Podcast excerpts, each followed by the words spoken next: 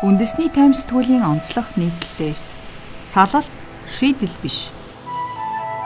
Манай хүргэн гэж унхааг өнөхөр би миний охиныг 10-аад жил гэр хороолд амьдрууллаа.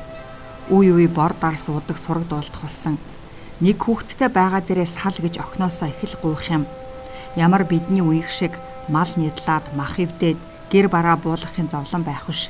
Энэ нийгэмд мөнгө л байвал эр хүний хэрэг чалга гэж хижээл насны эмэгтэй өгөөлөө. Түүнийг ийхүү ярьж дуусмагт хамт суусан 60 орчим насны эмэгтэй. Баг хүү маань манад амьдраад сар орчим болж байна хөө.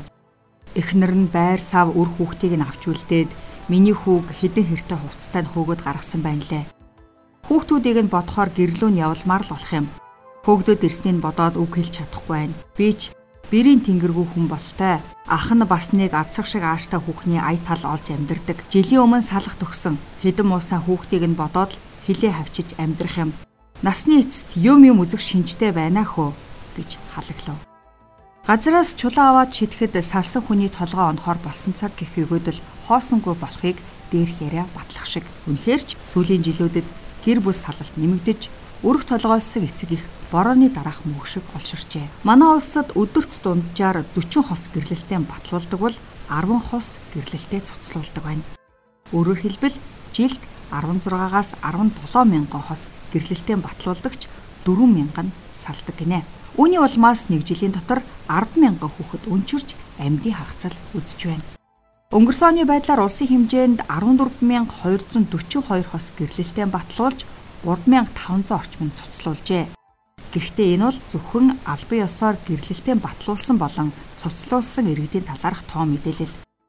Улсад бүртгүүлгүй хичнээн гэр бүл нийлж бас салж байгааг тааж тооцоолох аргагүй юм. Цар тахлын жилүүдэд өрг толгуулсан их хагас сүнжин хүүхдийн тоосжээ. Гэр бүл салтанд аав ээж, ар гэрийн оролцоо, эдийн засаг, эрх үүргийн зөрчил зэрэг хэд хэдэн хүчин зүйл нөлөөлдөг. Эдгээрээс гадна сүүлийн жилүүдэд цар тахал, хөл хорой гэр бүлийн харилцааг тодорхой хэмжээнд сэвтүүлж байна.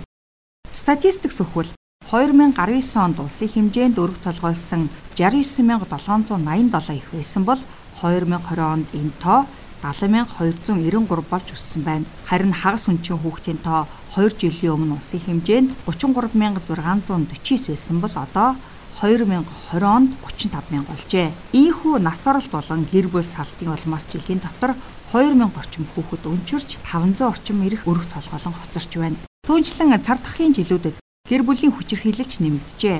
Тодруулбал 2018 онд гэр бүлийн хүчирхийллийн улмаас 5 эмэгтэй амнасаа алдсан бол 20 онд дээрх тоо 8 болж өссөн. Энэ талаар Монголын эмэгтэйчүүдийн холбооны ерөнхийлөгч оюун гэрэл цар тахлын жилүүдэд гэр бүлийн хүчирхийлэл нэмэгдэж байгаа.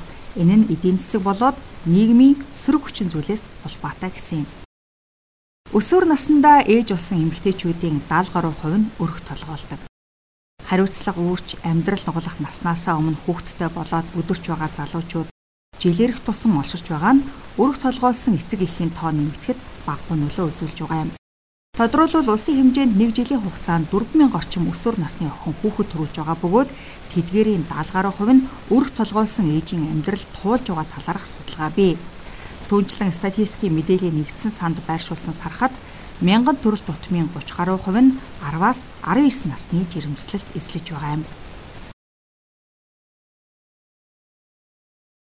Октийн түүх төрийн бас байгууллагын гүйцэтгэх захирал цэцэг сайхан 2017 оны судалгаагаар улсын хэмжээнд жил 4000 орчим өсвөр насны охин төрж байна. Тэдгээрийн 74% нь өргө толгоолсон ээж болдог. Сүүлийн жилүүдэд ч дээрх тоо өөрчлөгдөөгүй хэвээр байгаа. Түүнчлэн энэ зөвхөн төрсэн охидын тоо биш. Үүний цаана өр хөндөөлж байгаа охид цөөнгүй би. Жилд 4000 охин ээж болж 4000 хүн шинээр мэдлж байна. Эдгээр иргэдийн эрх ашгийг хамгаалж анхаарахгүй бол төр 8000 хүнээ хаалганы цаана үлдээж байгаатай ялгаагүй зүйл гэсэн юм. Хүүхдийн тэтгэмжийг хөдөлмөрийн хөлсний доод хэмжээтэй уялдуулж болохгүй. Дээрх тоо мэдээлэлээс харахад эцэг эхийн хариуцлагагүй байдал харилцааны асуудлын улмаас мянга мянган хүүхэд хагас амьдралыг туулж байна. Гэвч тэдгээр хүүхдийн эрх ашигыг хамгаалах хууль эрхцэн орчин хангалтгүй байгаа юм. Жишээ нь шүүхэн шийдвэрээр 4000 орчим гэр бүл гэрлэлтийн цэцүүлж байгаа ч 1000 хүрэхгүй л хүүхдийн тэтгэмж авдаг. Өөрөөр хэлбэл хүүхдийн тэтгэмж өгөх шийдвэрийн 85% нь хэрэгждэг байна. Үүнээс гадна эцэг эх нь гэрлэлтэд батлуулахгүйгээр хамтран амьдарч байгаа салсан тохиолдолд хүүхдийн тэтгэмж авах боломж улам багасдаг талаар хуульчид онцолж байлаа. Түүнчлэн гэр бүлийн тухай хуульд хүүхдийн тэтгэмжийн хэмжээг маш бага тогтоосон байдаг. Гэрлэлтэд цуцлуулсан тохиолдолд амжиргааны доод түвшний 50% буюу 200 орчим мянган төгрөгийн тэтгэмж тогтоодог бол хүүхэд 11 наснаас дээш бол амжиргааны түвшинтэй тэнцүү хэмжээний тэтгэмж олгодог заалттай. Энэ нь эцэг эхийн орлогын түвшингөөс үл хамаардаг байна. Энэ хэмжээний мөнгөөр ганц би эцэг их үр хүүхдийн тижээж өсгөхөд бэрх. Эцэг эхийн хариуцлагыг нэмэгдүүлэхгүй бол мөнчийн хүүхэд өрх толгойлсон аав ээжийн тоо буурахгүй. Өрх толгойлсон эцгийн эрх ашгийг эргцэн хүрээнд хамгаалъя. Гэр бүл салалтын хамгийн том хохирогчийг хүүхэд эмэгтэйчүүд гэж хардаг нийгмийн хэвшмэл ойлголт бий.